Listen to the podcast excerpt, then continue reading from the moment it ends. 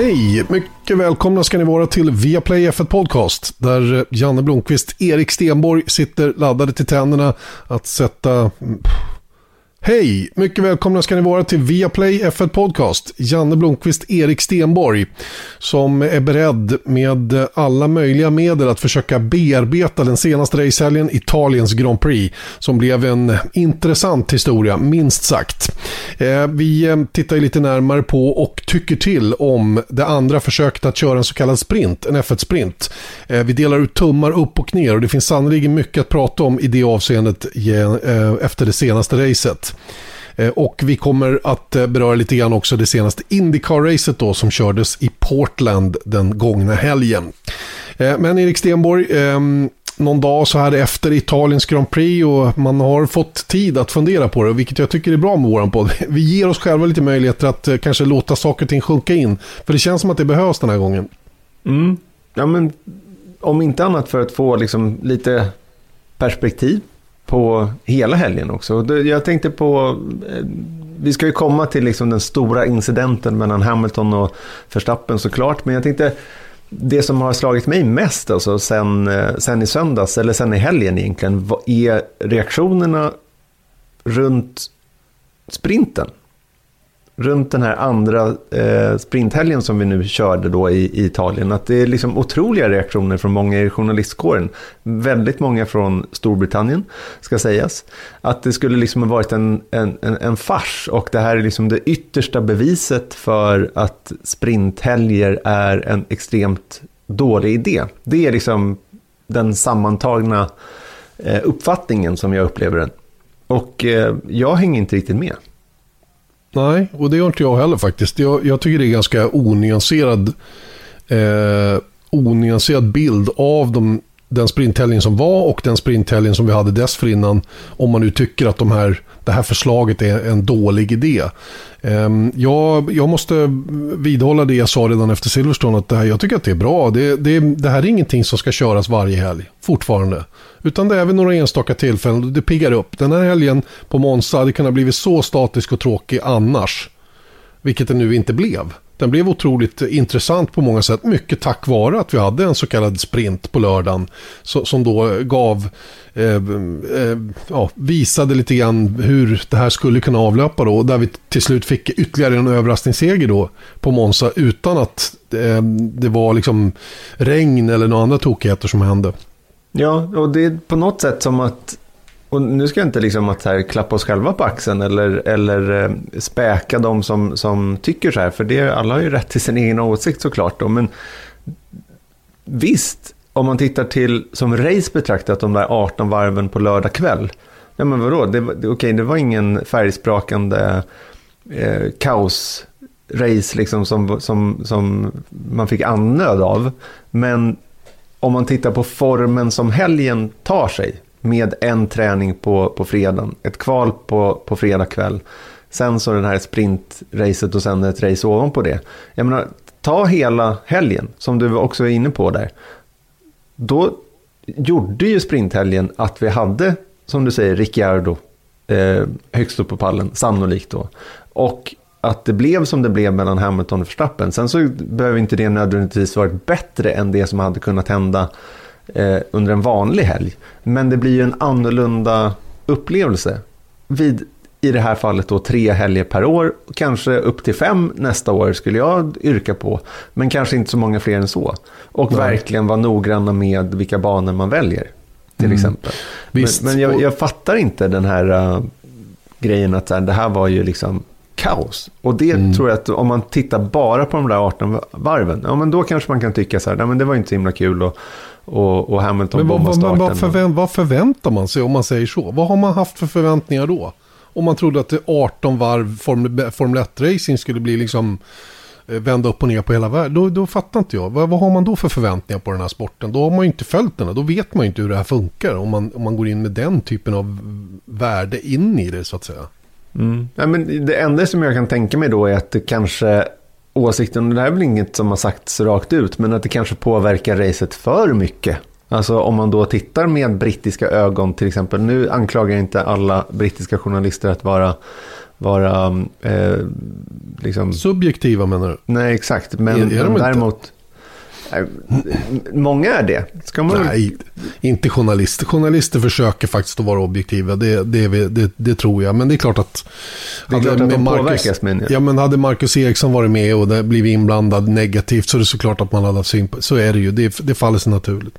Det är precis det jag menar på. Men Mm. om man tittar då på eh, helgen för Alfa Tauris eh, räkning, det, det påverkade dem jättemycket. Eh, det påverkade Hamilton mycket med den här dåliga starten som skedde i sprintracet då. Men, men, Men, men det är är ju det- ett race. Alltså det är ju det är sånt här som ska hända under ett race. Den dåliga starten för Hamilton, är det grund för att Toto Wolff ska tycka att det här är en superdålig idé? Ja, han tycker det. Och det blir ju det gamla vanliga mantrat i Formel 1 att man alltid talar egen sak och tycker saker. Och det är väl också naturligt. Är, jag tycker bara att man måste filtrera bort den typen av kommentarer för det har liksom inte med, de är inte relevanta skulle jag säga. Eh, nu blev det ju- jag menar, jag tycker snarare att Mercedes tappade bollen den här helgen. De hade ju världens läge. Eh, de var till och med smarta nog att stoppa in i motor i Valtteri Bottas bil nu när han inte liksom är med i matchen på det, på det sättet. Och hade honom som en, som en eh, buffert eller en skyddsfigur för Lewis Hamilton i början. De stod ensamma i första startled. Jag menar, allt var ju upplagt för det i sprinten. Och så bränner Lewis Hamilton starten och kommer dragandes med att han har hållit en koppling 2 mm för mycket. Kan han ens känna de två millimeterna på, på koppling? Ja, de kan ju se det på datorn såklart i efterhand. Att det var nog sannolikt det här som hände och det blev för mycket hjulspinn. Ja, men vad, det är ju en manuellt hanterad koppling. Man ska ju klara det. Alltså, det, det var en grej som hände. Eh, Att han fick för mycket hjulspinn i starten och tappade på det här. Och det är ju Det alltid det är inte en risk. sprintens, exakt, det är inte sprintens fel att han gjorde en dålig start. Verkligen det, Det inte. är hans egna fel.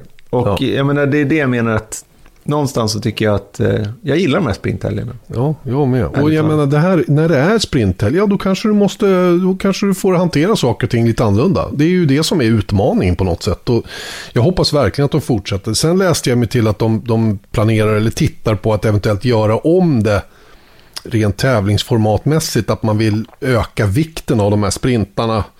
Så att de då eh, ger mer poäng, vilket var Wolfs egen. Toto Wolf hade en sån synpunkt och jag tycker det är för lite värt som det är nu. Eh, sett till vilka konsekvenser det kan få. Han vill ju liksom att det ska finnas mer poäng att köra om och det är väl någonting som jag tror Formel 1 ändå tittar på. Men varför då? Då, då faller hela syftet med det. Va? För att det, det har de ju hela tiden sagt, det här ska inte ersätta Grand Prix. Och det är ju precis det man gör då. Man håller på och skapar ytterligare tävlingsmoment med mycket poäng. Eh, Och då ökar ju risken också att en sprintel kanske avgör VM i förtid och alla de här bitarna. Vilket de inte heller vill ska hända. Inte minst för arrangörernas del då, som, som finns i slutet på året. Så att, låt det vara nu som det är. Det, det, det där förslaget är väl delvis i alla fall runt att eh, lite fler poängplaceringar helt enkelt i resultatlistan. Men också att det inte ska avgöra griden till söndagens race, vilket det Nej. vi gör. Vilket är, det är det stora grejen som vi gör nu. Men Men vet du vad? bara, de liksom, skulle vi kunna... bara skifflar om problemet tycker jag. Ja, lite så är det ju. Va? Och skulle de göra så så skulle ju kvalet på fredagen då eh, ordna griden både till sprinten och till Grand Prix. Men då tycker jag hela idén faller. Varför ska vi ha ett race till? Jag vill inte ha ett race till i sånt fall. Nej. För då ska vi ha det jämnt. Mm. Att vi kör en sprint varje helg. Så att det blir liksom fair and square hela året. Och det tror jag ingen är intresserad av. För vi behöver inte mer körning på det viset.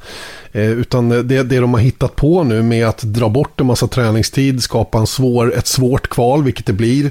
En sprint som man måste förhålla sig till och sen ett Grand Prix på söndag. Jag tycker det är, det är, en, det är en rätt så bra avvägning tycker jag i, i ökad utmaning för teamen då. Och ta bort lite grann av den här inom citat tristessen som kan infinnas annars med ett format som man känner igen och fyra timmars träning som de hade tidigare. Nu tre timmars träning då innan man går in i kval. Det, det, jag gillar det. Jag gillar det skarpt.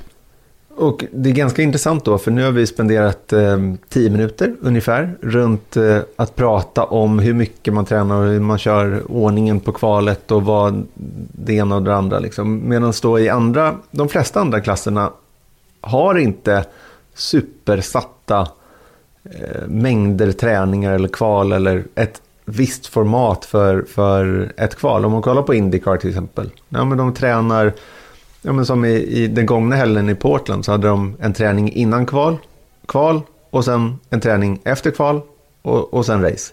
Och sen kan det gå lite hipp som happ där. Och det, det är inget problem. Det är bara olika mm. sätt att Tank, närma sig ett race. Liksom. Och det, mm. det, det är ganska intressant ändå att så här, nej men, nu bara skyfflar vi om lite hur vi kör. Vi kör väldigt mycket och vi lägger till tävlingsmoment. Men i grunden så handlar det om hur mycket vi tränar, hur mycket vi är på banan och vad vi gör på banan. Och det blir liksom en enorm grej. Vilket mm. är rätt kul om man tänker ja, på det. Alltså, det, är fascinerande med Formel 1. det är fascinerande med Formel 1 på det viset att det, det, kan, det, kan, det kan bli väldigt mycket storm i vattenglaset. Ja. Hörru du, nu har ja. vi eh, lite sugen på tummar här känner jag. Och eh, jag, eh, jag inleder med att ge en tumme ner faktiskt till både Max Verstappen och Lewis Hamilton. För det var liksom en missad möjlighet för de båda, men kanske mest för Mercedes. Eller vad tror du? Ja, det är, nog inte, det är nog inte helt omöjligt att det är så man måste se på det. Att eh, de som förlorade mest på det som hände var ju faktiskt Mercedes själva. Eh, och eh, vi kan väl börja med upprinnelsen till alltihopa. Ehm, vi har ju redan pratat om att sprinten inte blev någon lyckad historia för Lewis Hamilton. Han kom femma i mål, fick starta fyra då med Valtteri Bottas motorbestraffning då där han tvingades starta längst bak. Ehm, det var ju dåligt till att börja med för Lewis Hamilton. Ehm, Sen hade vi då McLaren med Daniel Ricciardo i, i första startled ihop med Max Verstappen och sen hade vi då Lando Norris och Lewis Hamilton i andra startled. Starten gick, eh, Ricciardo tog starten från Verstappen, Hamilton eh, gör en okej okay start, hänger på bakom Lando Norris, försöker eh, eller är förbi Lando Norris och försöker sen att även attackera på, på Max Verstappen och in i kurva 4. På utsidan. Den gamla klassiken in i Della Rodja. Det går inte att köra om på utsidan in i Della Rodja. Det vet Lewis Hamilton. Han hade väl i och för sig, var det inte där han körde om Sebastian Vettel? Eh, var det 2019? Det? Mm, kan det vara. 2018, ja något sånt där. där han, då var han lite brysk, men då var det Vettel som gjorde en bom och snurrade istället. Och, och hela den biten. Var. Men, men att vara på utsidan där, just mot Max Verstappen dessutom, det är omöjligt. Och han hade inte heller rätt i spåret, tycker jag. Så det, det var ju där det startade med och då tappade han tillbaka till fjärdeplatsen igen. Han var ju faktiskt förbi Norris innan dess då, men den lilla turen över banmarkering gjorde att han hamnade bakom igen. Och där blev han kvar. Eh, Mercedes hade ju dessutom bestämt sig för att eh, göra något annorlunda med däcken. De startade på hårda däck.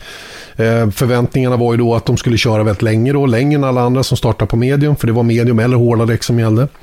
Ehm, och då kommer vi till det som blev mest avgörande, nämligen depåstoppet då, för det var ju bara ett för alla. Eh, och det här började ju då med att Daniel Ricciardo, han såg till att eh, Red Bull inte fick möjligheten till en undercut, så de började alltihopa. Max Verstappen kommer in efter och det som händer för Max Verstappen när han kommer in är att han blir försenad med 8 sekunder tror jag. Så stoppet tog 11,1 sekunder snarare än 2, 2,5, 3 eller vad det brukar vara. Eh, och det här eh, finns det en speciell anledning till. Eh, det hänger ihop med de här nya reglerna runt depåstopp. Eh, där man nu inte får ha något, någonting som är automatiserat. Det ska vara inbyggt så att säga en, en reaktionstid, en mänsklig reaktionstid. Och det är ju så att de här mutterpistolerna då när man, när man använde dem tidigare, när de kände att muttern satt med hjälp av vridmomentet när det slutar och, och liksom snurra och det tar emot. Då, då skickade pistolen automatiskt en, en signal till till systemet som de har då att nu är jag klar. Och när båda sidorna var klara samtidigt då åkte bilen ner på backen igen. Eh, och där, där var ju automatiserat genom att den som skötte mutterpistolen då aktiverade systemet så att säga när han sköt på den på hjulet. Så de gjorde det egentligen innan. De, de gav klartecken på ett sätt, den som höll i pistolen innan det hela var klart. Och förlitade sig till ett automatiserat system för att känna när muttern satt på plats. Idag är det inte så länge, utan nu måste den som kör pistolen, när muttern sitter, trycka. Och då först kommer signalen till systemet att släppa ner bilen när båda sidorna är klara. Det bommades här, eller så var det lite för tidigt med tryckandet på höger fram. Och det fördröjde då hela det här stoppet för Max Verstappen som då tappade jätte, jätte, jättemycket tid. Eh, det här gjorde ju då att Lewis Hamilton eh, och Mercedes eh, naturligtvis insåg, eftersom de hade tänkt köra länge så skulle de i det här läget inte komma in. Men de insåg att det var en för bra chans för att, för att undvika att prova, så de tar in Hamilton i depån. Hans stopp blir också för långsamt. Mot vad det brukar vara, i alla fall en och en halv sekund långsammare. Så han blir lite fördröjd, men kommer ut i alla fall. Och när han kommer ut så är det svintajt ut ur depån. Mot Max Verstappen.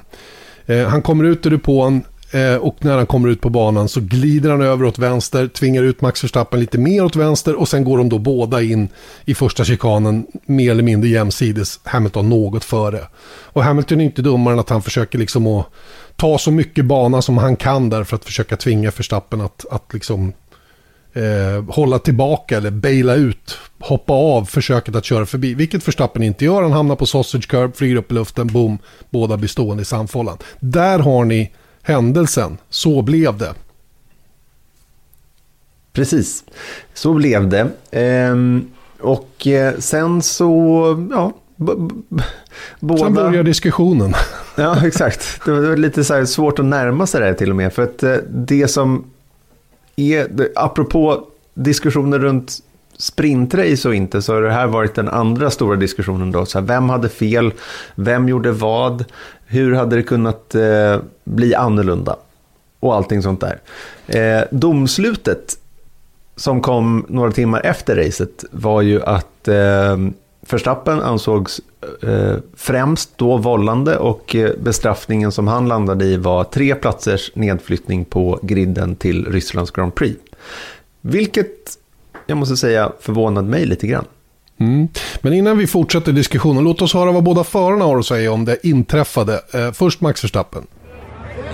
we saw that it was going to be tied into turn one, um, and Lewis, of course, also realized that. So after the white line, he immediately moved to the left on the braking. So I already had to move on to the green side of the tra- next to the track. But then, nevertheless, I thought we were going to have a nice fight into turn one, through turn two. But as soon as I was next to him, uh, he just kept on squeezing me more and more to the left.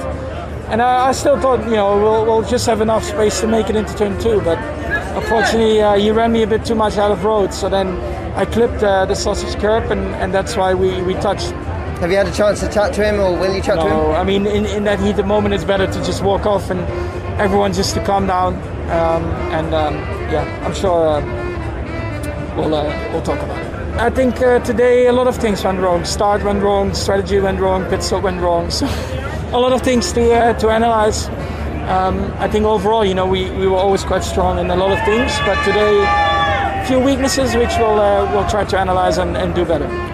Yeah, well, we're obviously just ahead. We had a bit of a slow stop, but came out braking into turn one. I, I made sure I left a car's whip on the outside, and um, I was ahead going into the into the corner. And next thing I know, um, I guess Max went over the second curb or something like that. He obviously knew at that point he wasn't going to make the corner, and he drove into me. So, uh, and next thing you know, he's just on top of me. So, definitely unfortunate, and uh, we'll speak to the stewards after this, I'm sure. Did you think for one point you might be able to get the car out? Is that why you stayed in, or were you not feeling great just, inside? Um, I wasn't feeling great, but I was just hopeful to get the car going, but the car was destroyed, so it wouldn't have made any difference anyways. But Ja, de har gett sin bild av det hela. Eh, inte så mycket att säga om egentligen. Båda tycker naturligtvis att de hade rätt till, till utrymme på banan. Det fanns inte utrymme för båda på banan.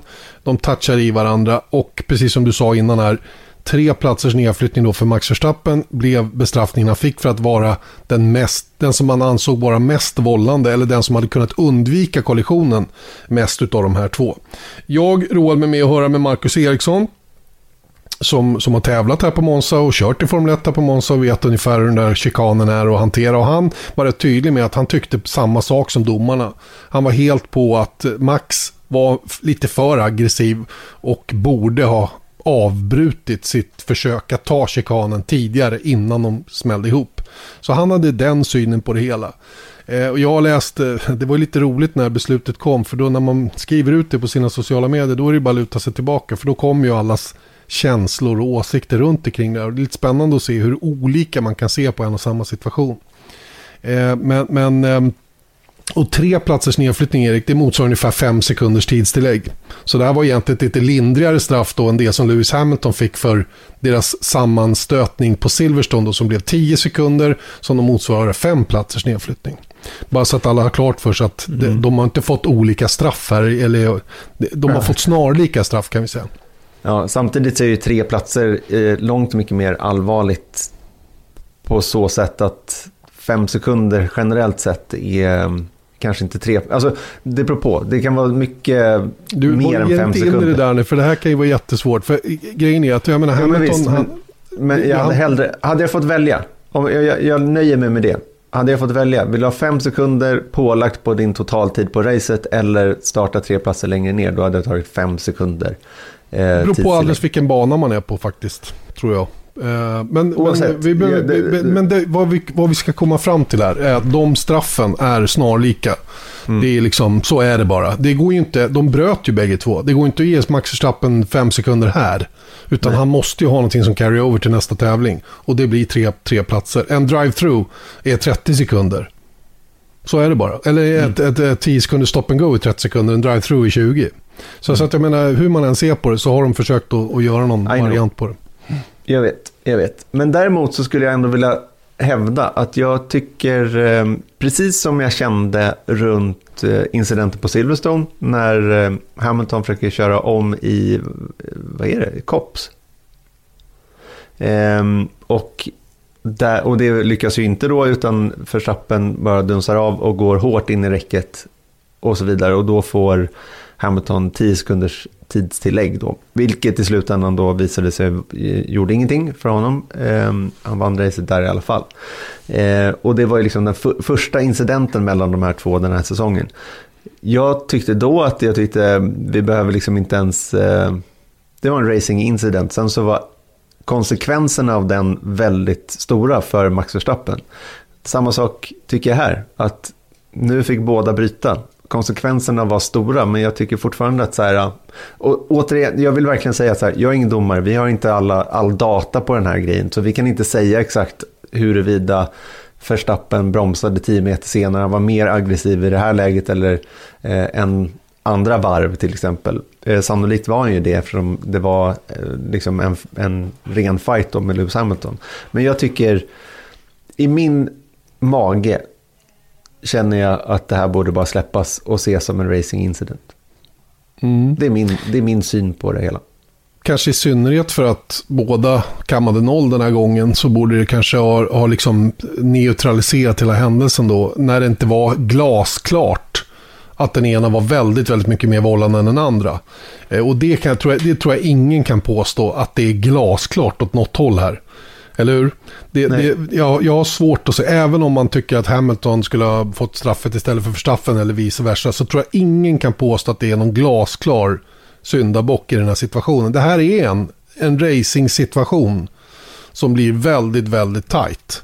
Och mm. banan är byggd som den är med sausage curb och den måste finnas där för förarna exploaterar det där, den här ytan direkt om det inte skulle vara på det viset. Och inte ens den, det fysiska hindret hindrar eh, dem emellanåt från att försöka åtminstone. Eh, och eh, så, så det, det, kan jag köpa. Va? Sen finns det en massa andra saker i det här. Och eh, Hamilton, är han den som försvarar positionen eller är han den som är aggressiv?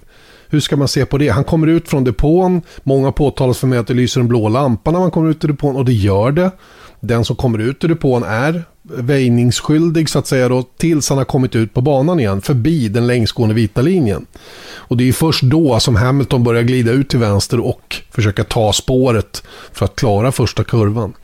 Eh, Max Verstappen kommer ju då i 330 km i timmen och ska bromsa ner då för att komma in i chikanen och får ju då sitt spår stört av att Hamilton kommer där under inbromsning. Så att, och det, det, det, kan man ju ha synpunkter på. Ska man hålla på och flytta bilen under inbromsning där eh, när man kommer i den farten? Och det gäller ju båda då. Så, så att det, det, det blev liksom the perfect storm av alltihopa. Eh, och eh, någonstans tror jag att Fia känner sig tvingade att vara lite nyanserad i den här situationen. Dela ut ett litet straff, för det är ett ganska lindrigt straff oavsett vad man tycker om det. Eh, för, för att orsaka en kollision. Eh, för att de är rädda för att det här kan eskalera. Och eh, man hade samma nyanserade bild av det som hände på Silverstone som också mycket, mycket väl hade kunnat blivit en racingincident och ingenting. Men nu blev det 10 sekunders straff för Lewis Hamilton som då i slutänden med facit i hand inte betydde någonting.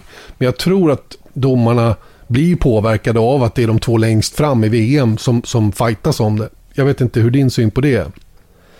Jag, jag tror det är nästan omöjligt att inte bli det.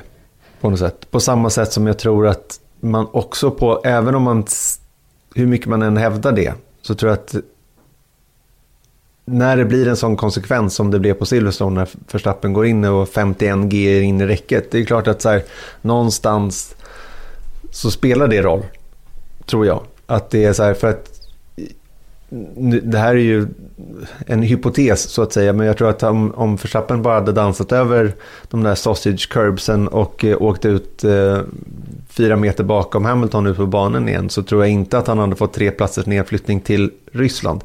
Nu hade han fått ett annat straff om det, han hade fått straff överhuvudtaget, men jag tror inte det. Eh, så det är klart att konsekvenserna spelar roll. Men mm. i det här fallet så tycker jag att båda hade kunnat göra annorlunda, tagit annorlunda beslut, vilket hade gjort att eh, de hade tagit sig igenom kurvan. Och det här är viktigt tycker jag däremot. Det är, det är precis samma syn som jag har på det från, från Silverstone. Det här är jätteviktigt det du säger nu. För det är precis det här som, för, som det för mig handlar om. Vad, vad, vilka risker tar man? Och vad förväntar man sig få ut av att ta den risken? Där tycker jag båda tar ett tokigt beslut. Jag menar, och, det, och det, i slutändan blir de ju faktiskt stående båda två. Mm. Och, och, att som Wolf stå i om att det skulle vara en tactical foul där från, från Red Bulls sida. Det, har, det köper inte för fem öre. Det är lika mycket båda två som har allt att förlora i den här situationen på sitt sätt att agera. Och, och vill man inte åka därifrån med några poäng överhuvudtaget, då kör man som Lewis Hamilton gjorde. Men samma sak gäller Max Verstappen. Vill man överhuvudtaget inte ha några poäng, nu råkade det vara den här gången så att Verstappen eh, inom citat förlorade minst på det då, när båda blir parkerade. Och det måste ju också Lewis Hamilton ha med sig när han ska fightas med den här killen. Att mm. den risken finns ju, att den ena har mindre att förlora än den andra. Alla de här grejerna, det handlar om att förutse situationer och de här gubbarna är så skickliga båda två. Att det borde de tänka på tycker jag. Det är precis samma på Silverstone, för Hamilton, när han gjorde det han gjorde där, kan aldrig ha varit säker på att bilen skulle hålla för det som hände där. Eh, och när alla pratar om att han då för en gång skulle satte hårt mot hårt, bla bla bla. Ja visst, men de hade ju kunnat krascha båda två. Då hade det blivit noll poäng där också. Så att jag menar, hur man än gör så är, kör man för att, vinna, för att ta poäng och, och, ta så många poäng under en säsong som man kan så, så, så agerar man tror jag lite annorlunda. Mm. Eh, men, men nu börjar det bli så hett det här så att de, eh, de kanske har, eh, det kanske är lite rött skynke framför och jag menar man börjar bli lite, lite clouded judgment säger de ju. Ja men absolut, men det, jag tycker det i slutändan är bra. Det, det ger oss någonting för att återhållsamma förare vill man inte heller ha. Man vill ju ha den här aggressiva fighten. Sen vill man ju inte att, att eh, Förstappen Verstappen ska krascha i 51G och, eller att Hamilton ska få ett, eh, ett, hans bakdäck i huvudet.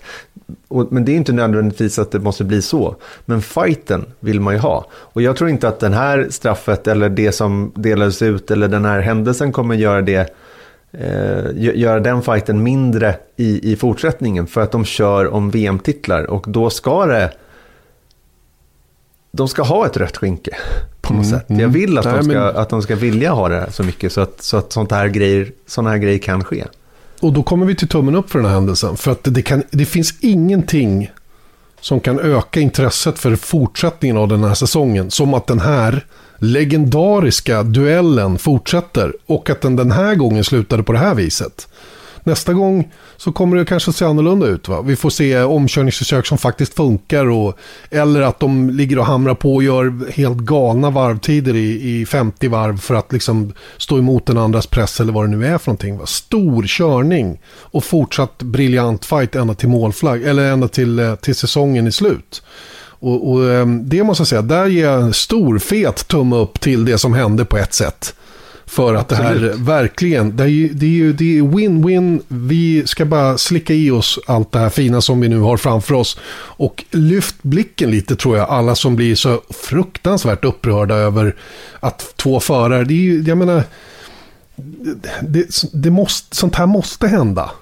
Och det är ingen som, ingen förtjänar att bli kapad eller det ena. Det var inte någon vårdslös körning, det var ingenting sånt. Det bara, det bara var en tight situation. Två otroligt ärgiriga förare mot varandra som då råkade stöta ihop med varandra. Det är sånt som händer och eh, hoppas jag kommer att fortsätta hända. Inte allt för ofta men då och då.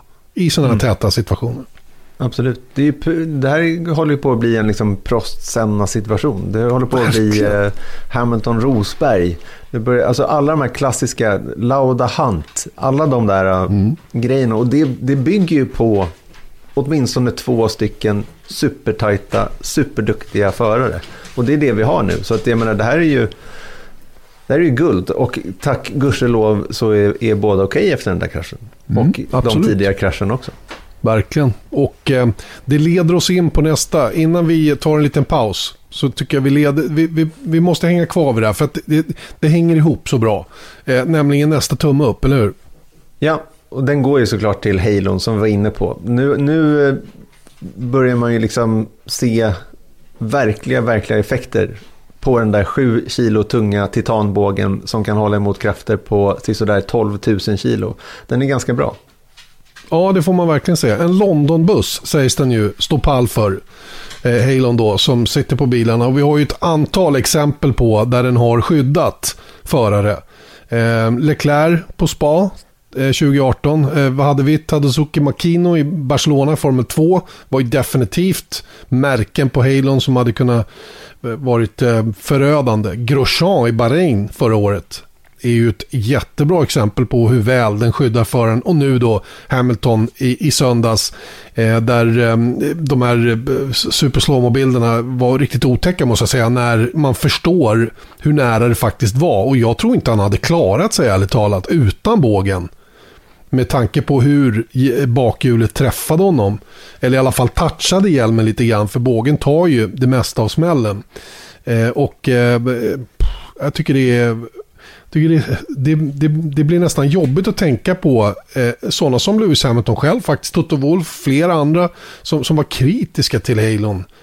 Mm. Så, som liksom, ja det, det är samma sak där. Det är, så, det är så svårt att förstå hur man då inte kunde lyfta blicken och tänka att det här faktiskt är någonting bra. Alltså, jag tycker liksom end of discussion. Det, mm. det slutade långt innan för, för mig, men jag tycker Grosjean i Bahrain 2020 där är ju nästan, det är nästan fakta att han mm. hade gått åt då. Hade mm. inte eh, Halon funnits där. Och eh, jag menar, det är kanske inte lika clear cut i, i söndags då, men det spelar ingen roll. För att, jag menar, det, det finns inget problem längre. Och jag, jag, upplever faktiskt att det är ingen som riktigt ser Halon som ett problem längre. Utan vi ska bara vara lyckliga över att den, att den sitter där. Det, det, finns ju naturligtvis saker som man kan göra bättre med Halon tror jag på sikt. Eh, kanske till och med den här gluggen upp till på något sätt. Eller att föraren måste sitta ännu lägre ner eller någonting i den stilen. Jag är lite oroad över att det, det var att hjulet ändå kom åt som det mm. gjorde. Mm. Det är väl det enda jag kan se med den då. Sen har ju Formel 1 valt den här varianten som inte är en, en screen då som man har i, i Indycar. Det är ju också en Halo fast de har, de har adderat vindrutan så att säga. Eh, och, och där finns det inte lika många exempel på eh, händelser just när det kommer flygande sak i Formel 1. I Indycar en annan sak på ovaler och hela den biten. Men, så att, eh, men, men det är klart, det går, det går att tweaka allting och, och göra saker bättre. Men eh, tack och lov att Halon sitter där, verkligen. Vi lyssnar på Viaplay F1 Podcast. Janne Blomqvist, Erik Stenborg som eh, sitter här och, och eh, summerar eh, Italiens Grand Prix. Där vi naturligtvis har ägnat stor del åt händelsen mellan Lewis Hamilton och Max Verstappen. Det blev en omdiskuterad situation igen men vi, slutsatsen är att eh, det, det, är bra att den här fighten finns och det kommer kanske att bli flera gånger de smäller ihop med varandra. Bara inte Fia blandar sig i för mycket. Det är väl vad vi känner lite grann. Men bra för Formel 1 och bra för intresset att vi har den här legendariska, börjar den ju bli, eh, duellen de här två emellan. Eh, pratade Halo här på slutet också då som vi är väldigt tacksamma för. Nu Erik ska vi dela ut en riktigt, riktigt kul tumme måste jag säga. Ja, och det går till ingen annan än Daniel Ricciardo såklart. Som var det är ju ändå kul att se någon som blir glad, måste man säga. Och eh, Ricardo var väldigt, väldigt glad. Ja, det var han. Han eh, var, eh, jag tror också, lättad som 17. Eh, han har ju haft en väldigt, väldigt tuff period sedan han kom till McLaren och eh, ifrågasatt av många. Eh, och jag tror i och för sig att just ifrågasättandet från andra människor är det som har berört honom minst. Jag tror att den press som en förare sätter på sig själv när den tycker sig göra allt den kan och tiderna inte kommer, det är nog det absolut jobbigaste av allting. Han, han har ju varit med så länge och han är, har tillräckligt mycket pengar på banken så att det är inte, det är inte, så här, det är inte livsavgörande på det sättet. Men den, den interna pressen du sätter på dig själv att lyckas, för du har ju ambitioner, att när det inte kommer, det, det tar ner humöret på dig och det, det tycker jag man har märkt lite grann ändå på Daniel Ricciardo. Absolut, jag, ty jag, tycker man kan dra liknelsen där med Marcus Eriksson efter det som han berättade för oss i den här podden. Efter han tog sin första seger där i, eh, i Detroit i år. Och då menar han ju att det är klart att tvivlen finns där någonstans. Att det är så här, äh, man kan verka glad som Ricardo verkar allt som oftast. Eh, man kan se väldigt sakligt på anledningarna till att man inte vinner eller att man inte presterar så som Ricardo inte har gjort då jämfört med Lando Norris. Men i slutändan så är det ju en resultatbaserad sport som det här är. Och allting bygger på att du gör resultat. Och i Formel 1 jämförs du ju som bekant då med din teamkompis. Och Ricardo har varit superlångt bakom eh, Norris i år. Och det är klart att i, här, i den här helgen så var ju han bäst. Say hello to a new era of mental health care. Cerebral is here to help you achieve your mental wellness goals with professional therapy and medication management support. 100% online. You'll experience the all new Cerebral Way, an innovative approach to mental wellness designed around you. You'll get a personalized treatment plan from a therapist, prescriber, or both in a safe and judgment free space. Your cerebral therapist or prescriber will outline a customized plan with clear milestones along the way so you can get to feeling your best. With Cerebral, you're not alone in your mental health journey. We're here to empower you to live a fulfilling life. So take that first step towards a brighter future and sign up today at cerebral.com slash podcast and use code ACasts to get 15% off your first month. Offer only valid on monthly plans. Other exclusions may apply. Offer ends July 31st, 2024. See site for details.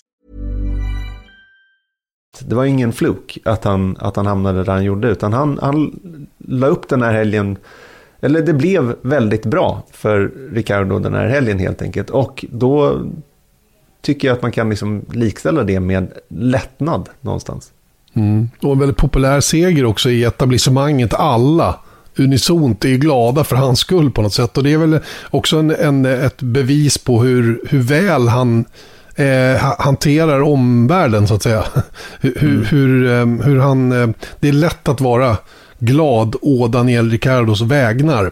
Och eh, man får väl säga att eh, den här sprinten då som en del har varit kritiska mot, eh, eh, utan den så kanske segern hade varit lite svårare att bärga i alla fall om det hade varit möjligt överhuvudtaget.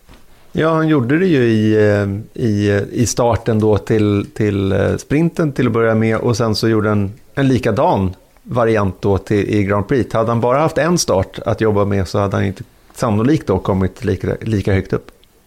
Så här säger han själv om den här fantastiska söndagen.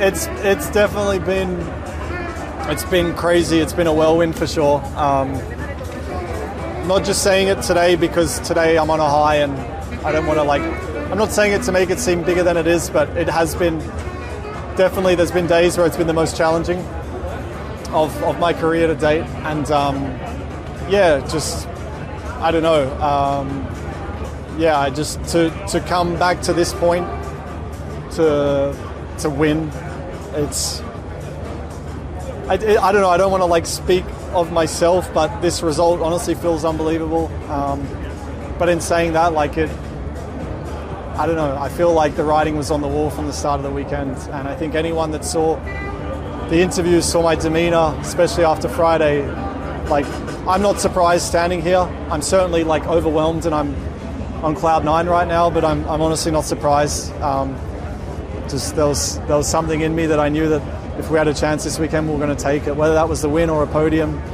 uh, it just felt like it was it was time to time to make the comeback. I guess it was. I mean, I made life easy by getting another good start. And last time we were on the front row together with Max, he he got me off the start into into turn one in Mexico from P2. So uh, they, like honestly, I don't know. I'm like, there's so many like feelings and thoughts, and like, it's it's deep in here at the moment, but um, part of me was just not going to let anything take it today.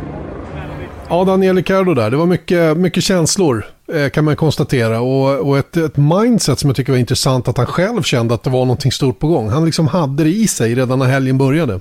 Mm. Ja, han säger det. Att det var redan på fredagen där som, som han började känna det här. Men det, det är ju coolt alltså. För att, ja men återigen, det var ju på ren speed någonstans. Att det var ingen fluk överhuvudtaget. Han hade kunnat vinna det här racet oavsett Verstappen och Hamilton, eh, tror jag. Och eh, dessutom då, om man tittar på lite så statistik eh, mellan honom och Norris, den där grejen att han har ju haft en tuff säsong, det är, det är ju ingen, ingen snack om saken. Han hade 56 poäng inför den här helgen, medan Lando Norris hade 114, alltså lite mer än ja, lite mer än dubbelt så mycket poäng helt enkelt. Och sen så om man tittar på då för, för McLarens räkning så var det 170 race sedan som Jenson Button vann i Brasilien 2012. Alltså nio år sedan. Och det är 220 race sedan eh, teamet senast var ett och två, vilket var då i Kanada 2010 då eh, Hamilton vann framför Jensen Button. Mm. vilken resa McLaren har gjort och gör. Och jag tycker mycket cred, mycket cred utav det här, de här framgångarna som de är på väg mot, tror jag, ska ges till Zac Brown faktiskt. Eh, jag var stort jag var tveksam till hans förmågor eh, i början, men, eh, men han har ju gett teamet resurserna. Han har värvat rätt. James Key har kommit dit som teknisk direktör. Han har tagit in Andreas Seidel från Porsches LMP1-program. Det, det är liksom föraruppställningen är ju den vassaste. En av dem, ja, den, den kan vara den vassaste faktiskt. Mm. Som och de kör. Han ryckte Ricardo från Renault så fort han fick chansen till den när Sainz då lämnade för Ferrari. Exakt, va? Det, det, det, kanske inte är den allra vassaste, det ska jag inte säga, för att Ricardo har ju faktiskt underpresterat hittills i år. Men Zac Brown har verkligen satt ihop någonting som ser bra. Han har eh, frigjort pengar som gör att de är med i matchen igen. Och alla de här bitarna tillsammans gör ju att de nu är på väg mot någonting stort. Sen är ju det här en avart, den här banan. Monza är ju ingenting vi ska liksom säga betyder att så här kommer det se ut nu framöver. Men när man har chansen en sån här och lyckas ta den så, så, så tyder det på, på otroligt stor skicklighet tycker jag. Precis, jag tänkte precis säga det, att det är nya tider för McLaren under Zac Brown och Andreas Seidel. Men är det, det i med den här segern då nya tider för Ricardo för resten av säsongen? Nej, det är det ju naturligtvis inte. Problemet kvarstår ju med den här bilen. Det går inte, det går inte att komma ifrån. Så vi ska inte tro att han kommer in och... Men, men jag tror däremot att en seger av det här slaget kan föda fler ger ju naturligtvis så mycket självförtroende. Och det ska vi inte underskatta även för en sån som Ricardo. Att man behöver få det här stödet, den här supporten och känna att man faktiskt kan. Så jag tror att det kan, det kan ge några tiondelar, absolut. Va? Men, men återigen, problemet han har med bilen kvarstår. Det har inte försvunnit bara för att han vann nu på Monza. Nästa uppåt-tumme går till Valtteri Bottas. För jag tycker det var en otrolig vändning i form. För Bottas har i sanning alltså varit väldigt anonym 2021. Alltså, jag skulle kunna hävda, utan att ha faktiskt liksom, statistik på det, att han har varit som mest anonym under hela sin Formel 1-karriär just 2021. I jämförelse med Lewis Hamilton då. Och i helgen var han precis tvärtom. Ja, någonting hände där. Um, han fick ju äntligen um berätta för alla att han går någon annanstans. Och det här var ju väldigt eh, recenserat, eller det var regisserat. Eh, hela grejen då, att Bottas, och det, det var många, många i, i, i min, våran bransch, journalistbranschen som tycker att det här var snyggt av Mercedes och hela det. Sånt har jag lite svårt för att, att eh, som journalist ha den uppfattningen. Jag kan bara konstatera att, att Mercedes lät Bottas få gå till ett annat team. Det var inte så att de sparkade Bottas för att ersätta honom med en annan förare. Utan tågordningen var Bottas går till Alfa Romeo. Jättefint, han fick den dagen. Sen tog det inte så lång tid innan, eh, innan George Russell. Ja, vi måste ju ha någon istället för Bottas. Så varför inte plocka in... Alltså förstår du? Mm. Och, och, sen då så, så började pusselbitarna ramla på plats. Och, och Alex Albon till Williams och, och eh, Alfa Tauri fyllde på, eh, eller förlängde med sina gubbar. Alltså, det, det blev väldigt orkestrerat alltihopa, vilket jag tyckte var bra. Men, men bortsett från det så är det naturligtvis skönt för Bottas att eh, få, få det här kontraktet. Eh, men sen som den här helgen blev också. Han, eh, han, eh, de tog en ny motor. Eh, jag hävdar att det är taktiskt, men de hävdar själva att de hade hittat något fel. Det kanske är en kombo av båda, inte vet jag. Han tog en ny motor i vilket fall. Gör ett sjukt jävla bra kval. Får starta från pole position. Håller, Eh, se, vinner sprinten. Eh, medveten om att han kommer att starta längst bak, men han gjorde det i alla fall. Vilket var liksom bra gjort som fasen. Eh, slog Lewis Hamilton i kvalet i ett läge när Hamilton behöver liksom göra allt. Eh, och sen, eh, sen så, så eh, i racet så startar han 19 och han går i mål som trea. Det, det är liksom, och jag undrar så, vad har den här Bottas varit förr? Och det säger en del också om hur han kanske lite för mycket har rättat in sig rättat in sig, men kanske känt sig lite slagen på förhand emellanåt och haft svårt att... Han behöver leta efter den här, det här lejonet, det finska. Och ta fram det lite oftare. Jag tror inte att han, de har tryckt undan det med avsikt hos Mercedes. Det har bara blivit så på något sätt. Va? Och han har ju då, ja men nu har jag gått in i mig själv, nu kommer Bottas 2.0 och 3.0. Men det har liksom aldrig blivit någonting av det. Men nu sprattlar han till den här helgen. Jag tycker det var sjukt jävla roligt att han kan, eh, att han kan få visa den sidan av sig själv. Oerhört aggressiv och liksom tuff. Sen så blir det väl så lite att här, nu när han för en gångs skull, eller för få gångers skull, slår Lewis Hamilton i kvalet.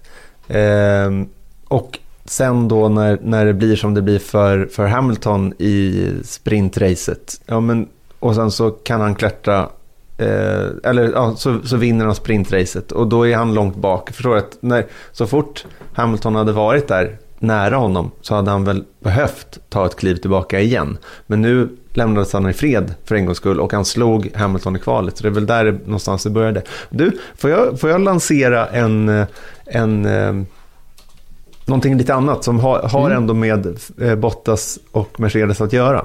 Det, det, här är, det här är ett försök från höften. Det brukar inte alltid falla så väl ut vad gäller mig. Men jag tänker ändå på den här grejen att det har dröjt runt eh, Bottas eh, bekräftan för att gå till Alfa Romeo. Vi var inne på det förra veckan lite grann. att Det är inte alls säkert då att eh, vi har Ferrari-motorer, att den här Ferrari-alliansen som Sauber, Alfa Romeo har haft de tidigare åren eh, är speciellt långsiktig längre. Och där tänker jag återigen nu på det som gemene man får se av Formel 1 och det som gemene man förstår av Formel 1 är ofta bara första lagret, känner jag. Så jag tänker liksom återigen på den här eh, frågan runt att man ville lösa liksom, för att vara schysst mot Bottas på, så att han kunde komma till Alfa Romeo. Jag tror det finns någonting i mig som säger att Bottas flytt till Alfa Romeo är bara en pytteliten bricka i ett mycket, mycket större spel. Mm. När man då tittar på vad som händer med Sauber. Mm. Om de nu ska börja köra Mercedes-motorer. Jag tänker på den här eh, ja, de där äh, rapporterna som vi har fått att, att äh, Michael Andretti och Andretti Autosport har, har lagt ett bud på, på äh, Sauber som då enligt uppgift då ska ha tackats nej till och så vidare. Kan det ha någonting att göra med Bottas så att säga eller Mercedes? Framförallt, för jag tror att Bottas är inte förarna i Formel 1, kanske med några få undantag, är aldrig det är återigen att Formel 1 är business. Det är bara sport på helger. 22 helger i det här fallet. Resten är stor business. Så jag tror att förarna är aldrig så pass viktiga som man kanske tror. Förstår du vad jag menar med det? Mm, jag förstår precis bara, vad du menar. Det är, det är bara spelkort någonstans. Mm, mm. Och jag Nej, är... kan inte släppa känslan om att Bottas råkade bara vara ett spelkort nu som, som passar bra in. Mm. Runt rörande Mercedes och Sauber. Det är roligt den analysen du gör för att vi, och det är väl inte så konstigt att vi, vi är på samma planhalva för att vi, vi, vi pratar ju rätt ofta med varandra ja. om saker och ting. Och eh, det där är ju bara en del i det här stora pusslet för jag tror ju även en sån som Alex Albon också är starkt bidragande till saker som kan komma att hända längre fram då. Eh, allianser som sker och det där är en sak som jag skulle vilja peka på i Formel 1 på för jag börjar tröttna lite grann på och jag var väl inne på det förra, förra veckan att, att, det här, eh, att två, tre gubbar styr och, och drar i trådar om ditten och datten i både team, det egna teamet och andra team. Och det, det är nog rätt mycket kartellbildning som, som pågår, tror jag, mellan teamchefer i depån och de får de tillskrivs mer makt än de egentligen har. Ehm, Fred Vassör har ju varit på tapeten senaste tiden då där där han då eh, sägs då tycka massor med saker och han tittar på vem som ska komma dit. Jag tror inte att han bestämmer någonting om vem som kör i de där bilarna. Han är med och, och rådgör såklart och, och har ju kunskapen i teamet men jag tror ändå inte att han bestämmer någonting. Så honom ska man överhuvudtaget inte lyssna på. Han är anställd för att driva teamet. Det är vad han är. Toto Wolff är lite tyngre för han äger ju stora delar av mm. Mercedes. Men Christian Horner kanske har något, några procent i Red Bull Racing, men samma sak där.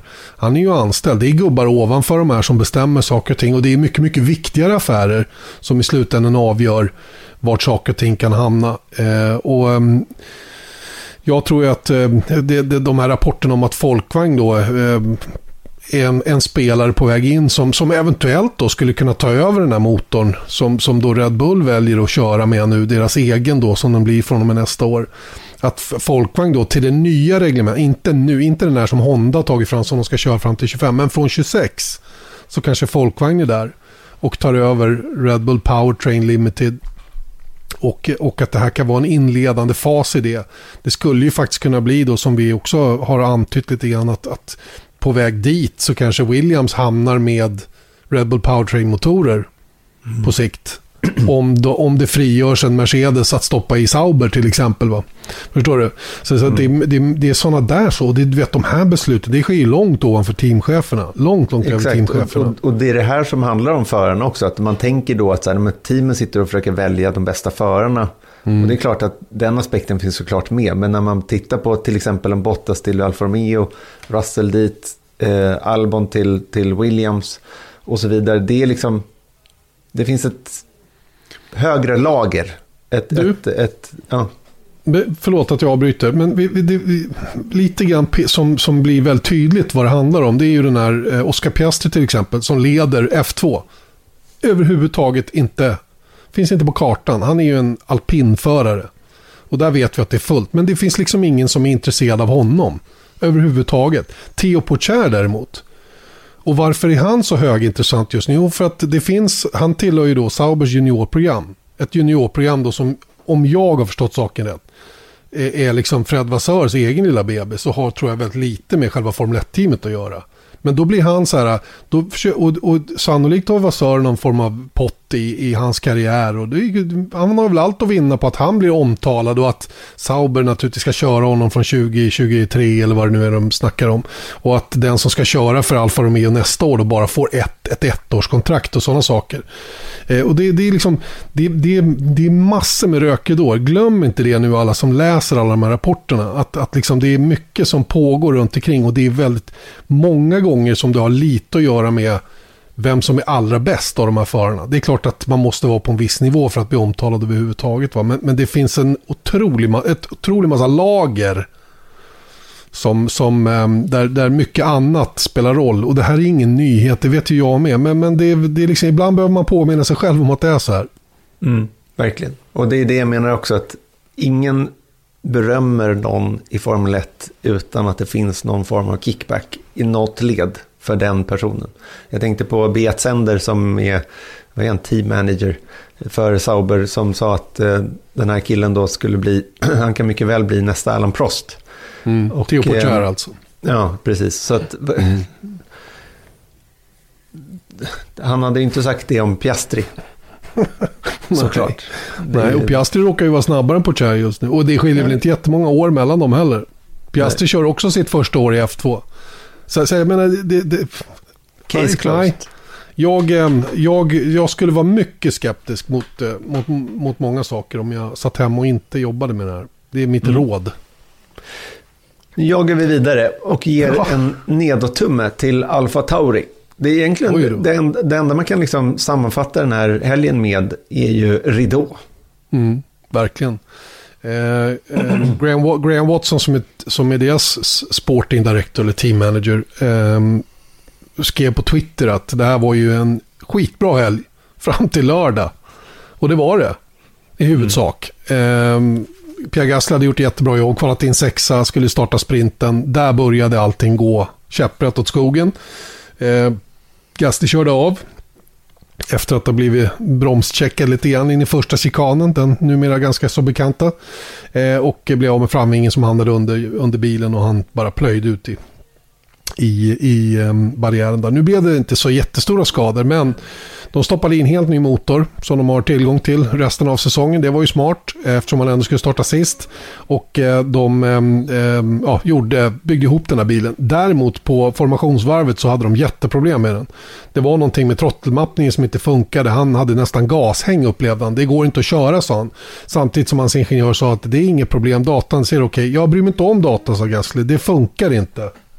Så att eh, du, det är bara att, det vi måste fixa till det, annars går det inte att köra. Eh, så han var väl ute och åkte några varv i början där. Och Yuki Tsunoda, där hittar man ju något problem som, som, eh, som upptäcktes redan innan start. Och han rullade av griden innan om han började. Så att det var verkligen ridå för Alfa Tauri, helt och hållet. En, en potentiellt bra helg som blev bara total katastrof. Mm. Speciellt när man kommer från en fjärde plats på Sandfort och sen så den här segern som de tog förra året och, och så vidare. Så det, det, det är synd. Och det, det var ju sprinteffekt. Eh, det var det. I, i, i många, många fall. En negativ sådan i det här fallet då. Eh, sen har vi ju då eh, ytterligare en tumme ner och den går ju till grabbarna längst bak här. Eh, Mazepin och, och Schumacher. Jag vet inte, de... Eh, jag förstår att det inte är lätt. Och jag kan, ibland kan jag se parallellerna mellan till exempel Nasser och Eriksson när de kubbades med varandra där i Sauber i, i skitbilar. Och det, allt handlade om att slå varandra. Men det fanns liksom inget annat. Och det, det är precis samma här. Och jag tror att den som kämpar allra mest med det här är Nikita Mazepin som som verkar vara på fel fot i princip i varenda situation han är i och, och tar i för mycket och, och, gör bedömningar som ibland är lite tveksamma. Va? Jag ska inte såga honom helt och hållet, va? han, han racear okej okay mellanåt, men gång efter annan så är det ju han som blir liksom indragen i grejer. Och eh, den, här, eh, den här eh, helgen var inget undantag. Det, I och för sig var Schumacher var ju nära att köra in i Vettel själv. Och, men det slutar med att Mazepin då petar till Mick Schumacher. Eh, men men eh, de, de hårda orden som vi hörde efter eh, typ Nederländernas Grand Prix, de uteblev den här gången. Yeah, he braked very early uh, going into turn four and uh, I just put my nose there but um, and obviously he needed to make the corner and turn in. So I'm, yeah, I'm sorry it happened. You know, it was uh, my fault, but like a racing incident. You know, sometimes you, you, put your nose there and the driver in front has to turn, but you've got half the car there. So yeah, uh, fully my mistake, but uh, I think it was obvious that I wasn't happy about it um, that it happened, and I was very sorry due to the front wing that was missing after that. So. I think that you know in, in that case it's just really tight. We're, we're fighting and obviously low downfalls. Um, I, I, haven't seen it, so I have to see it. But again, um, for me, I felt about this race was good. I don't think that it really changed anything on our end race uh, positioning, but uh, I'm very happy for Daniel, you know, for winning here. So he did a really good job. Ja, det är intressant med tanke på att eh, de senaste, vad är det, två, tre racen i alla fall, det har varit lite halvt öppet krig mellan de där två under hela säsongen, men framförallt de senaste racen så har ju Mazepin varit helt eh, uppgiven runt eh, Schumacher och tvärtom, men Schumacher har ju varit väldigt eh, liksom, eh, drillad i, mot media, men nu helt plötsligt eh, så var de väldigt eh, jag ska inte säga förstående, men de, var, de bad om ursäkt och eh, sånt här kan hända, säger Schumacher och så vidare. Så det är ju ganska tydligt. Det, det vi vill bevisa är väl att eh, det, har funnits en viss mediehantering eh, typ. med de här två. Ja, det är lite roligt egentligen. Det kan inte vara så himla lätt och, och, och jag menar Günther Steiner som är normalt sett en väldigt vokal person och, och har ett ganska högljutt ledarskap eh, har vi inte, jag har knappt märkt honom i år. Eh, och däremot så har ju de här två pojkarna då synts och hörts desto mer då, kanske i synnerhet Nikita Mazepin. Men, men eh, oavsett vad så, så är det nog ingen rolig säsong där. Jag hoppas verkligen att Haas-teamet får ordning på det här nu och får till en bil som, som de kan vara stolta över till nästa år. Och, även om de inte kommer att bli världsmästare, för det tror jag inte, men, men de kan i alla fall vara med och tävla. För både du och jag har ju upplevt den här situationen när Marcus körde i Sauber när de var för dåliga och det är liksom det hopplösheten som infinner sig efter ett tag. Och hur, man, hur det då präglar hur man tar sig an helgerna och framförallt hur man racear mot den som man egentligen ska vara i lag med.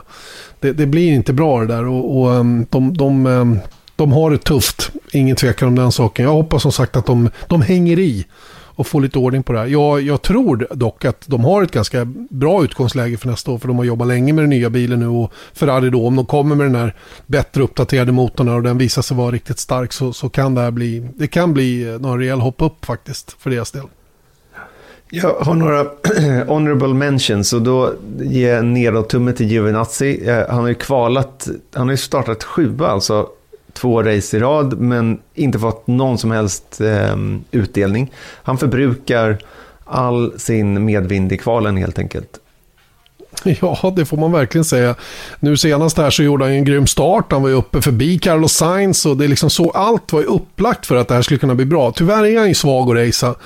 Eh, hans racecraft är inte bra. Nu gjorde han en liten missbedömning in i Della Rodia-chikanen och hamnade vid sidan av och så kommer han studsande upp på banan igen. Och precis när han börjar liksom att se att hans ditåt ska jag och allting verkade lugnt och fint, ja då får han sen en påkörning i baken utav Carlos Sainz. Eh, och det då blir ju naturligtvis eh, slutet på, på det där racet för hans del. Det blev ju inte bra någonstans. Va? Sen kan jag tycka att Sainz körde på honom lite märkligt. Även om han hävdar att han inte hade någonstans att ta vägen så blev det tokigt i alla fall. Mm. Eh, och ja, Stora frågan är om Giovinazzi får, får vara kvar eller inte. Skulle du behålla honom så som han kör? Ja, men nu är jag inne på det här top layer igen runt, eh, runt hur man väljer förare och allting sånt där. Och då kan jag tycka att, så här, att ja, men om de nu ska byta ut eh, Kimi mot Bottas eh, och eh, Giovinazzi har ändå inte eh, gjort så dåligt ifrån sig. Eh, men jag tror inte att det längre handlar om det. För jag tycker också att en sån som Mick Schumacher skulle kunna vara aktuell för Alfa Romeo. Jag menar, det, det är inte helt osannolikt att de skulle stoppa honom där eh, fortfarande. Men jag tror ju, bara det faktum att man har då börjat förstå lite mer och mer då att den här givna platsen som Ferrari har att disponera över i Alfa Romeo Sauber eh, verkar ju inte liksom längre finnas kvar. Och om den inte gör det, då stoppar man inte in Giovinazzi där 2022. Eh, och inte heller Schumacher, för att han är också knuten till Ferrari. Så mm. det är där jag tror, återigen, att trots att de kör med Ferrari-motorer 2022, så tror jag att det, det, det är tydligt att det är någonting annat på gång. Mm. Det verkar så. Ja, jag tror inte heller hans chanser ökade i alla fall med det som hände här senast. Så får vi se vad det tar vägen någonstans. En sista liten upptumme då och den går till, eh, den går till att återkommande vara på en väldigt hög nivå. I alla fall på den nivå som, som paketet klarar och det, den går faktiskt till alpin. Mm. Alpin har alltså tagit poäng med båda bilarna i fyra av de fem senaste racen och Alonso har tagit poäng i åtta av de nio senaste och Ocon i fem raka. Eh, dessutom den där segern då eh, som var väldigt stark. Men i övrigt så har det mest handlat om det där gamla dängan consistency. Eh, det var ju liksom en avart när, när eh, Ocon vann och Alonso kom femma va? Mm. Men, men, men resten har ju bara varit att stadigt vara där hela tiden och plocka poäng. Och vilket mm. gör att de nu är, tror jag, 11 poäng före Alfa Tauri i, i VM. Mm. Och det är ju en Alfa Tauri som i mångt och mycket är en bättre bil. Eh, men där de bara har en förare som, som gör jobbet så att säga. Och det blir ju naturligtvis svårt då. Alpin är på en mycket, mycket bättre nivå. Sen tycker jag ju fortfarande att en sån som Fernando Alonso är väldigt sevärd just nu när han är i den här formen. Det, det, det piggar verkligen upp och jag kan verkligen stryka under på den här tummen upp som alpin, som team får. Eh, innan vi rundar, eh, några korta ord också om Indycar. Tre helger återstod eh, till den här helgen som var. Eh, tre västkustrace, Portland, Grand Prix och Portland senast. Eh, och sen är det ju då Laguna Seca och eh, Long Beach som rundar av eh, årets säsong. Eh, Marcus Eriksson gick in i den senaste helgen 60 poäng bakom. Eh, kom ur den 75 poäng bakom och är nu mer eller mindre avsågad ifrån, ifrån att vinna titeln. Det finns ju fortfarande chanser att klättra någon placering men, men att vinna titeln är ju numera nästintill omöjligt i alla fall. Det finns en matematisk chans, men inte så mycket mer än så. Eh, jag vet inte Erik, vad, vi, vi mässade lite grann med varandra under natten där, eller kvällen och natten om det här racet då, som, som inte så var inte, det var inte bra. Det var inget bra race, kort och gott. Alltså om vi ser det utifrån hela, helheten, att, att som, som, som tittare försöka följa det som hände. Mm. Jag vet knappt hur man ska liksom närma sig det här, för att det är klart att ibland, apropå det där med att vara objektiv som journalist, så är det klart att trots allt då att, att vi håller en extra tumme för Marcus Eriksson och Felix Rosenqvist. Det blev sannerligen ingen katastrof in i mål. Rosenqvist eh, framförallt tycker jag var väldigt kul att se på sjätte plats. Och eh, med tanke på allt då att, att Eriksson kom på sjunde var ju eh, bra helt enkelt. Och jag menar för eh, två år sedan så hade man hurrat över de här positionerna att båda två var där uppe. Men, men saker och ting förändras. Eh, det som störde mig lite, så det, är, det är någon slags hatkärlek med framförallt kärlek till Indycar. För jag tycker fortfarande att den är otroligt sevärd och, och, och kul event just för att det är så annorlunda. Ibland däremot så måste jag säga att jag blir lite så här oh, runt, runt Indycar. För att det är så ofta som det händer konstiga saker i Indycar som känns orena på något sätt. Och jag tycker mm. återigen att en sån där grej att nu Palou som vann i, i söndags, men han körde jättebra. Att ingen vinner Indycar utan att vara lite snabb. Men det är just den där grejen när, när eh, bestraffade personer vinner. Jag menar, det är ju typ, det känns som det är 50-50 eh, i racen att det, att det är någon väldigt förvånande vinnare. Och då inkluderar jag Marcus Eriksson i, i Nashville. Mm. Att det är sådana där grejer som, det är kul när de händer i Formel 1 en gång var tredje år. Eller en gång per år. Eh, en oväntad vinnare och allting sånt där. Men i Indycar så är det nästan så ibland att jag känner att eh, nu går det lite inflation i konstiga resultat på något vis. Eh, eh, det är ju, eh, jag satt och diskuterade med min son faktiskt. Bara några kommentarer från honom då. Där, där liksom, han skrev så jag fattar inte, säger han. Snabbast vinner ju inte. Jag hajar knasigheten på oval och stadsbana, men på en road course borde det ju vara lite normalt. Och, och liksom, gränsen mellan underhållning och skicklighet finns ju inte riktigt. Och, och det, kan jag, det, det, jag tycker det är rätt så talande synpunkter på det. För att jag, jag har också problem med, med, jag menar återigen, fasen var kul att vinna från att ha varit tvärsist i Nashville. Och, liksom, och det är precis som du säger, va? ingen vinner i Indycar utan att vara snabb. Men, men någonstans så försvinner skill, förmågan att vara snabb i alltihopa det här som kastas upp i luften. Ta Graham Rahal som ledde det här racet stora delar och var jäkla snabb alltså hela tiden. Mm. Och så kommer gulflaggen vid precis fel tillfälle. Och de, det är ju liksom Marcus Eriksson, han blev ju sjua. Han, han borde ha blivit sjua om inget hade hänt heller. Jag tror han var, det var den fart han hade typ mm. sådär. Kanske mm. femma, fyra. Inte så mycket mer va. Men, Palou men, kanske borde ha vunnit också, förstår du? Ja, men det, det alltså, roliga Erik är att han startade, Palou startade ju etta och vann. Ja. Eh, den som blev tvåa startade ju tvåa och blev tvåa. Den som startade trea blev trea. Men de tre skickades ju ner 16 till 19 efter det som mm. hände i starten. Ihop med Rosenqvist då, som också åkte bakåt och går i mål som sexa efter att ha startat fyra. Så, och, det, och det är det här som blir så himla konstigt och svårt att ta in. Att det, att det får, då, är, då, är, då är det ju ingen poäng med att ha bestraffningar. Men det är kanske också därför de kan ge den här typen av bestraffningar. För att chansen eller sannolikheten att, att reparera ändå hela tiden finns. Inte vet jag, mm. för det var ganska hårt att skicka dem till 16 för att de genade genom första kurvan. Det, det är liksom, det, det är tuffa tag rent mm. bestraffningsmässigt kan jag tycka. Eh, sen att de kör med huvudet under armen där och inte minst Felix Rosenqvist, där måste jag vara lite kritisk för. för där, jag hörde hans förklaring till det, men, men jag tyckte han bara, han, han bara lödde ju på. och touchade någon, jag tror det var Dixon lite grann och det var bara det fanns inte en chans att klara kurvan överhuvudtaget. Va? Men, men oavsett vad, så, så, um, så det här var inte, det här var inte, den, den, det här var inte the finest moment heller för Indycar kan jag tycka i söndags. Och sen allt det här, eh, jag är också kritisk till det här med tankning, för jag tycker tankningen slår, slår fel nu några gånger. Jag menar Gateway, när de, när de slutar att gasa 500 meter innan kurvan för att de måste åka sparbränsle, då slutar det ju vara racing, som jag ser det. Mm. Sen är det ett, ett, ett, kanske ett fränt taktiskt moment. Men det blev lite samma här nu i, i det blir ekokörning liksom. Och det, det har aldrig varit roligt. Och det var ju det, Formel 1 fick ju supermycket kritik för det 2014, 15 när bilarna var för törstiga mot den mängd bränsle som de hade tillgång till. Och det korrigerades.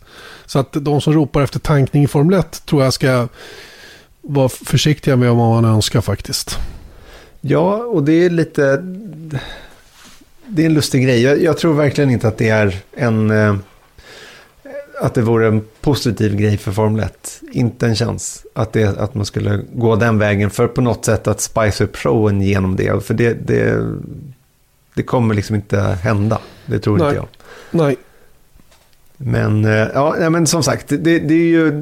Det, någonstans så måste man ju ändå se Indycar som, det är en annan typ av sport. Det är en amerikansk racingserie och, och här funkar det så. Och i många fall, så precis av den anledning som jag nu kände mig lite så här trött i söndags, så är det precis det som gör att jag eh, gillar det.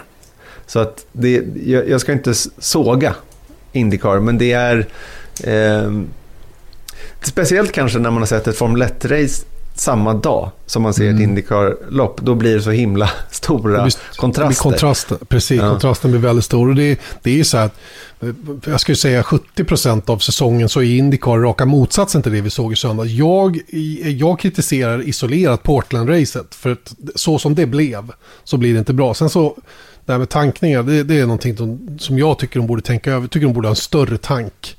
Så att det blir mindre fokus på, på liksom, för depåfönstren krymper så snabbt. Till slut så blir de så här så att man måste åka på, på bränslenummer som, som liksom gör att det slutar att vara racing. Utan man bara åker och lift and coastar. Och det, det tycker jag blir tokigt. Det är bättre att det alltid är generösa fönster som gör att man kan åka max. För de där bilarna är ju gjorda för det och däcken mm. är gjorda för det. Nu i söndags var det ju noll degradering i båda gummisorterna. De trodde ju att det skulle vara svårt att hålla liv i de mjuka, men de visar sig gå hur länge som helst. Och då blir det ju inga omkörningar. För det händer, det blir ju statiskt. Och då blir ju liksom den övriga taktiken och, och det, som, det som gäller med upplägget och det som avgör i slutändan. Men skit i det, det är en ny, ny chans nu till helgen. Och då eh, kliver jag in i handlingarna igen, tar hand om mm. Laguna Seca. Och eh, rundar av min egen Indycar-säsong faktiskt då med, med det racet. Och det är bara att hoppas att vi kan få eh, bra underhållning när vi väl kommer dit. Jag, eh, jag hoppas på det. Det är en jävla cool bana i vilket fall. Kört mm. massor med varv i min lilla simulator faktiskt. Just på Laguna Seca för jag tycker den är ball. Mm. Samma här. Jag brukar köra Porsche. En ja, Porsche varför RSR. Inte? Varför inte? Nej, exakt. Det, det, det, är bra. det, det är en bra bil bra att köra bil. på den banan. Måste det är en bra bil. Mm. Det är en bra bil, exakt, exakt. Hörrni, eh, ja, det finns väl inte så mycket mer att tillägga tycker jag eh, efter den här holmgången. Som sagt, missa inte Indycar nu till helgen då, för det är Formel 1-ledigt innan eh, den cirkusen drar vidare till det fashionabla Sochi. Och så får vi se hur det går där med, med bestraffningar och eventuella nya motorer och allt vad det kan vara fram tills dess. Hoppas ni har haft en bra timme med oss, lite drygt. Vi hoppas det i alla fall så är vi tillbaka om en vecka igen. Ha det gott så länge. Hej då! Hej då! Bye.